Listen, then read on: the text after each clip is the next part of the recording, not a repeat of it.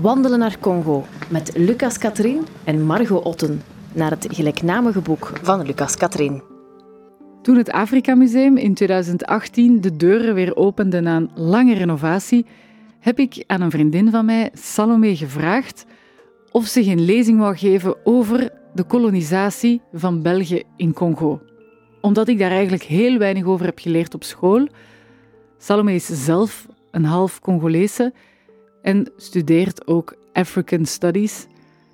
Ze heeft mij toen ook verteld dat ik zeker het boek Wandelen naar Congo van Lucas Katrien moest lezen. En in dat boek beschrijft Lucas allemaal gebouwen, straten en pleinen die te maken hebben met de kolonisatie. Gebouwen die gezet zijn met geld uit Congo, pleinen die genoemd zijn naar kolonialen. En sinds ik dat boek heb gelezen, zie ik Brussel helemaal anders. En dat wil ik graag met jou delen. In deze eerste aflevering vraag ik aan Lucas waarom hij dat boek heeft geschreven en wat de gevolgen zijn van de kolonisatie. Och, eh, eigenlijk, Congo, moet je weten, als ik klein was, want ik ben een oude mens, was volledig in het dagelijks leven aanwezig. Hè? Van in de papschool. En dan had je de prentjes van Jacques Cottedor, artiest, dat ging allemaal over Congo.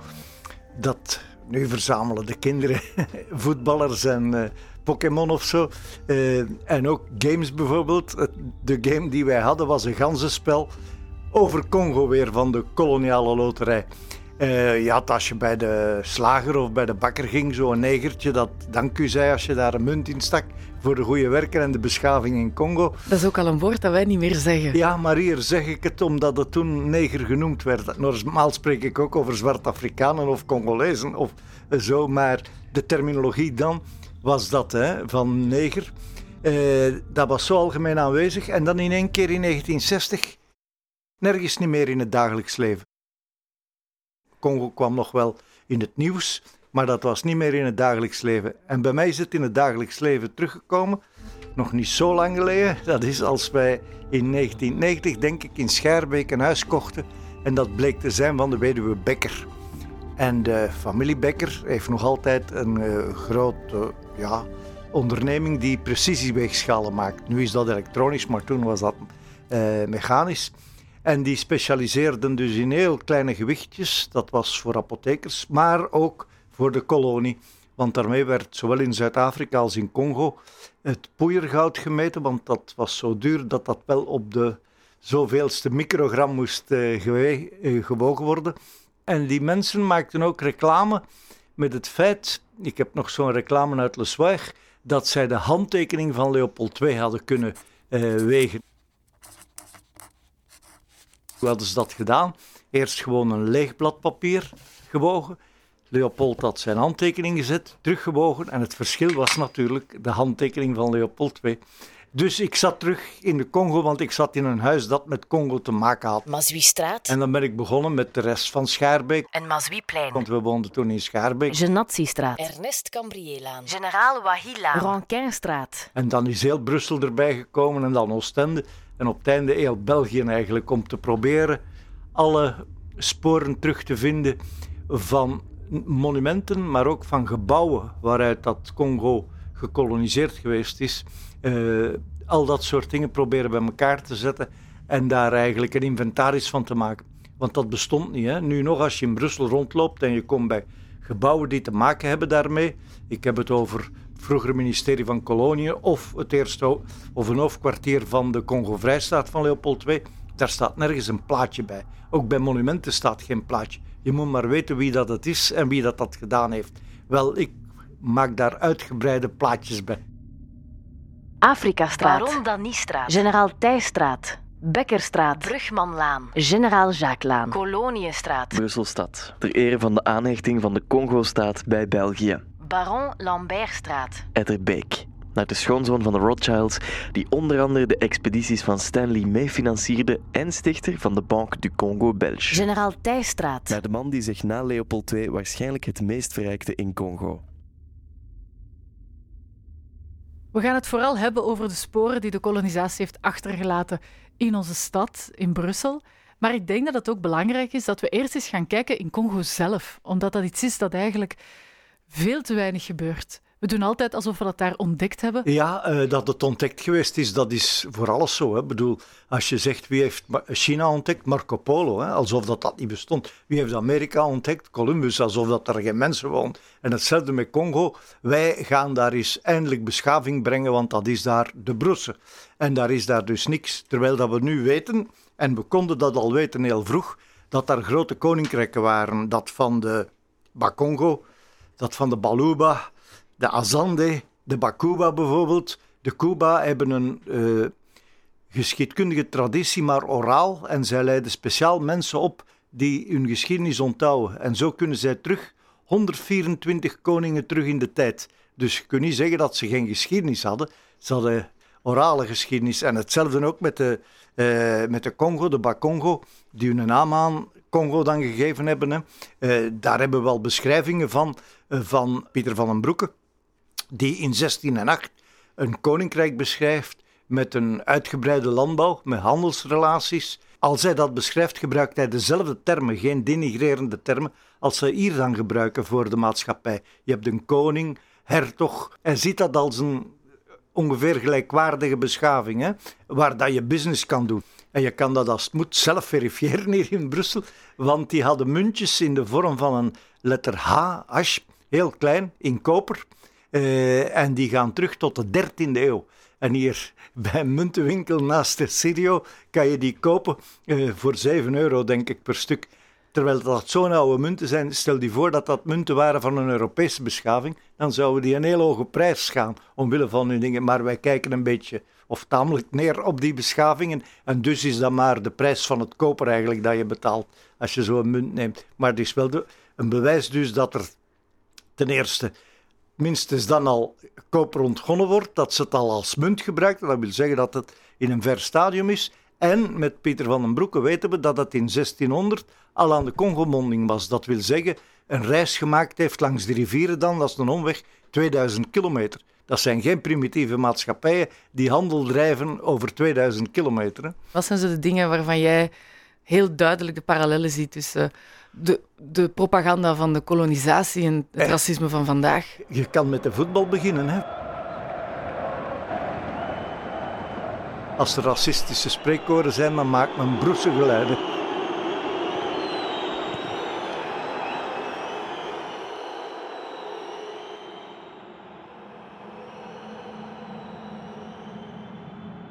Je hebt dus het hele stereotype dat ons opgedrongen geweest is tijdens de kolonisatie en dat ook doorgelopen heeft. Hè, met stripverhalen.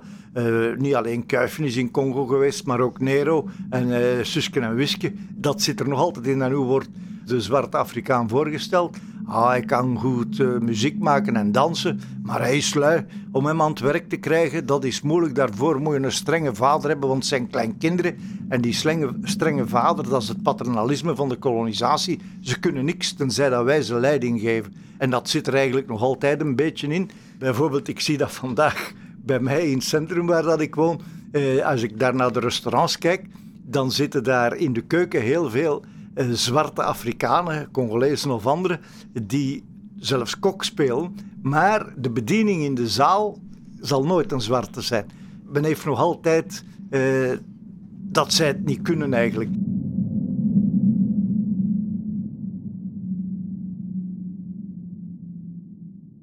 Dat is dus weerlegd. Onder andere Bambi Kuppes van het uh, Afrika Museum heeft eens een studie gemaakt waaruit dat blijkt dat de gemiddelde Belgische Congolees beter opgeleid is dan de gemiddelde Belg.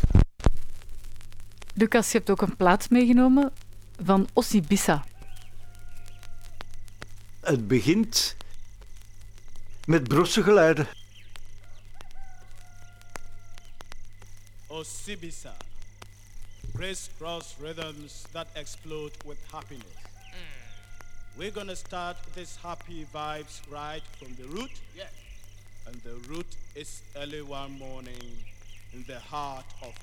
En dan beginnen zij, dat gaat over naar echte, voor mij zeer goede afro-jazz.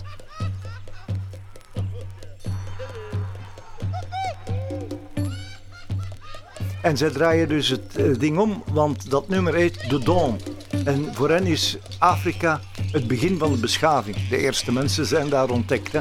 En dus in plaats van dat zij ongeciviliseerd zijn, liggen zij volgens die muziek aan de basis van de beschavingen. Want daar is de dawn of civilization. Afrikanen zijn daar eh, straf in. Ze hebben bijvoorbeeld ook het grote koloniaal monument eh, in Schaarbeek, eh, dat door de kolonialen gebouwd is, omgedraaid tot een monument waarop dat zij nu de Congolese eh, onbekende soldaat vieren op 11 november.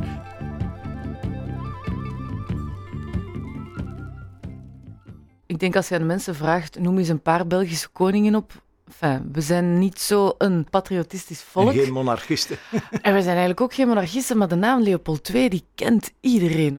Wat was zijn idee of zijn missie? Hij was een beetje gefrustreerd als koning van het kleine België en hij wou in Brussel, Brussel omtoveren van hoofdstad van Pajottenland, zeg maar, tot eh, Klein Parijs, Klein Berlijn. En daarvoor heb je geld nodig. En hij is dus van in zijn jeugd beginnen zoeken waar kan ik een kolonie hebben, want met geld dat heb je als je een kolonie hebt. We moeten een kolonie hebben. En hij is eerst bijvoorbeeld naar de archieven van Latijns-Amerika in Spanje geweest om te zien hoeveel dat Latijns-Amerika opbracht aan de Spanjaarden. Hij is naar Ceylon geweest, tot in Hongkong geweest. Hij heeft geprobeerd om Jeruzalem te hebben, het Ottomaanse Rijk geprobeerd om een eiland te hebben. Dat is allemaal mislukt.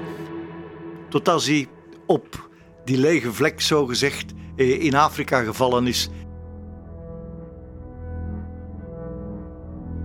En dan heeft hij daar massaal voor gemobiliseerd op alle mogelijke manieren en hebben ze hem geholpen ook om dat te doen.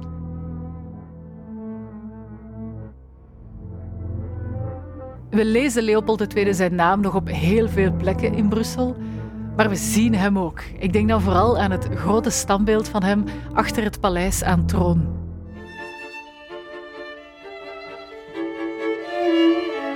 Hmm, hoe, hoe ik het zou beschrijven, dus... ehm, dus ja, er is een sokkel en daarop zit een paard. En op die paard zit een man met een lange baard. Heel imposant eh, standbeeld. En ook... Ja, het, zo, het is een heel imposante standbeeld, vind ik. Wanneer we naar dit standbeeld kijken, dat het zo het gevoel geeft dat het wel een belangrijk persoon was. Dus dat is wel duidelijk. Maar dat die persoon gruwelijke daden heeft gedaan, dan kun je niet afleiden uit het beeld. Komt dat eigenlijk dat hij zo een, een groot figuur geworden is in de geschiedenis? Ja, eh, daar is zo'n propaganda rond gemaakt na zijn dood. De man heeft voor zichzelf geen propaganda gemaakt. Daarvoor heeft hij mensen zoals Stanley ingeschakeld. Een van de bekendste sensatiejournalisten dan. En die moest dus het uithangbord worden van zijn ding. Maar hij is dus eigenlijk letterlijk op een, ja, Op een piedestal gezet. op een piedestal gezet, ja. Eh, als standbeelden. Dat is zijn opvolger Albert gedaan. En dat is vooral gebeurd rond 1930, 100 jaar België. Voor Albert was Congo ook ondertussen het cement van België geworden. Je moet niet vergeten, hij is de man die de Eerste Wereldoorlog meegemaakt heeft. Dat was al een cement, want wij hadden allemaal Walen en Vlamingen tegen de Duits gevochten. Maar Congo was eigenlijk nog een groter cement, omdat dat ook een economisch cement was. Je had daar de Waalse industrie met de Antwerpse haven, die daar volop van profiteerde. Dan had je de Vlaamse missionarissen, ook een beetje Waalse, maar het waren vooral Vlaamse missionarissen. En dan had je het koloniaal leger, waar dat zowel Vlamingen als Walen in dienden. Congo was een cement. En daarom, de man die daar symbool voor stond voor Congo was Leopold. Dus dat was tegelijkertijd Leopold eren, maar ook eh, dat cement dat België was, eh, nog meer benadrukken. We leven nu in 2020. Het cement is wel gelost, zou je kunnen zeggen. Hè? Ja, maar dat is niet toevallig. Als Congo in 1960 onafhankelijk geworden is, is men voor het eerst begonnen over regionalisering. En dat is altijd maar verder gegaan.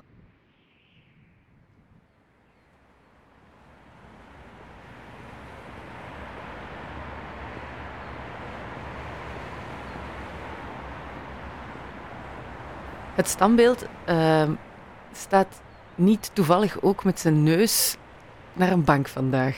Ja, nu is die banken veranderen van naam. Hè. Maar dus op het moment dat dat eh, gezet is, was dat de Banque Lambert. Hè. Eh, wat is dat nu geworden? ING of zoiets? ING. eh, dingen. Maar Lambert was de schoonzoon van de Rothschilds.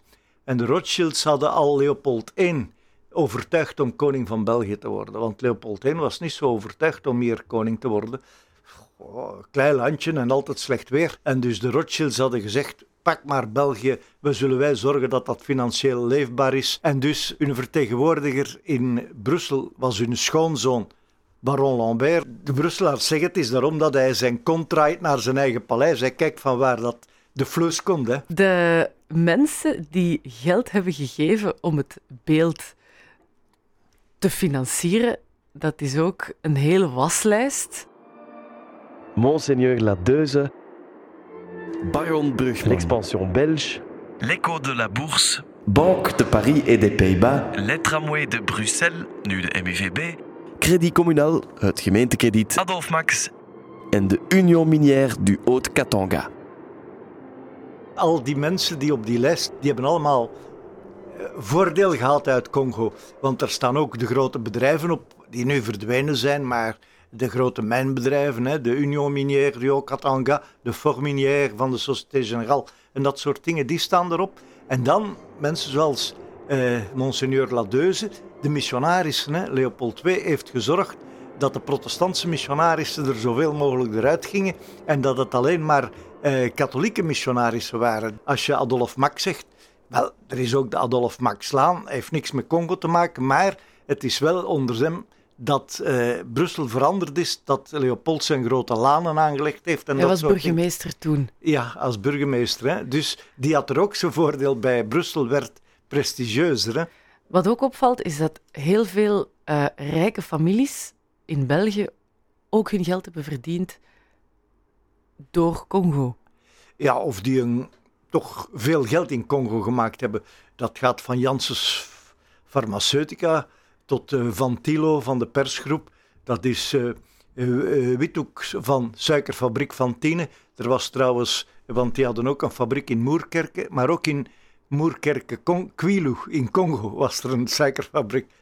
Dingen, Emses van Eternit, om maar een bedrijven te noemen die nu nog eh, belangrijk zijn. Eh, bij de twintig rijkste Belgen op het moment dat ik dat geschreven heb, waren er tien die je kon linken dat ze ook geld verdiend hadden en tamelijk wat geld verdiend hadden in de Congo.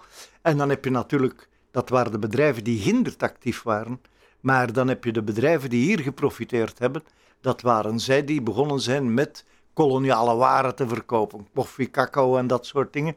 Eh, en de lijze is zo gegroeid van vier Waalse winkeltjes in koloniale waren tot wat dat we nu kennen. Eh Colruyt is begonnen met koloniale waren te verkopen. Dat zijn ook, je moet rekenen, hè, eh, in 1929, dat is dus de grote economische crisis, maar juist daarvoor was meer dan 50% van onze invoer kwam uit Congo en meer dan 50% van onze uitvoer ging naar Congo. Dus die koloniale waren, dat bracht wel wat op. Dat was niet alleen ivoor en rubber die geweldig veel opbrachten, maar daarachter kwam er van alles. hè. Elke Belg had met Congo te maken. Wel ja, en, maar je kon er ook niet vanuit in mijn jeugd. Hè, want eh, als de examens gedaan waren, dan duurde dat nog een tijd. Dan kwam er wel een missionaris. Of, eh, Ik heb het nu over het college van Jette waar ik zat. De missionaris eh, vertellen met een filmpje hoe dat ze de, de zwarte tovenaar verjaagd hadden en de mensen goede katholieken gemaakt hadden. Je, je kon er niet naast kijken naast Congo. Tot 1960. En dan blackout. Om het eh, een beetje cynisch te zeggen. Dan, het was alsof dat Congo nooit bestaan heeft. Bijvoorbeeld mijn dochters, die, eh, die zijn nu 40 zoiets. eh, die zaten op het Atheneum van Etterbeek. Die hebben nooit gehoord dat eh, Congo een Belgische kolonie was. Zelfs uit het leerplan was dat verdwenen. Daarna is dat teruggekomen, hè, vanaf de jaren 90. Eerst binnen ontwikkelingssamenwerking en zo, maar het zit er toch nog altijd maar een beetje aan stoemelings in. En het hangt veel af van de leraar of dat het ter sprake komt of niet.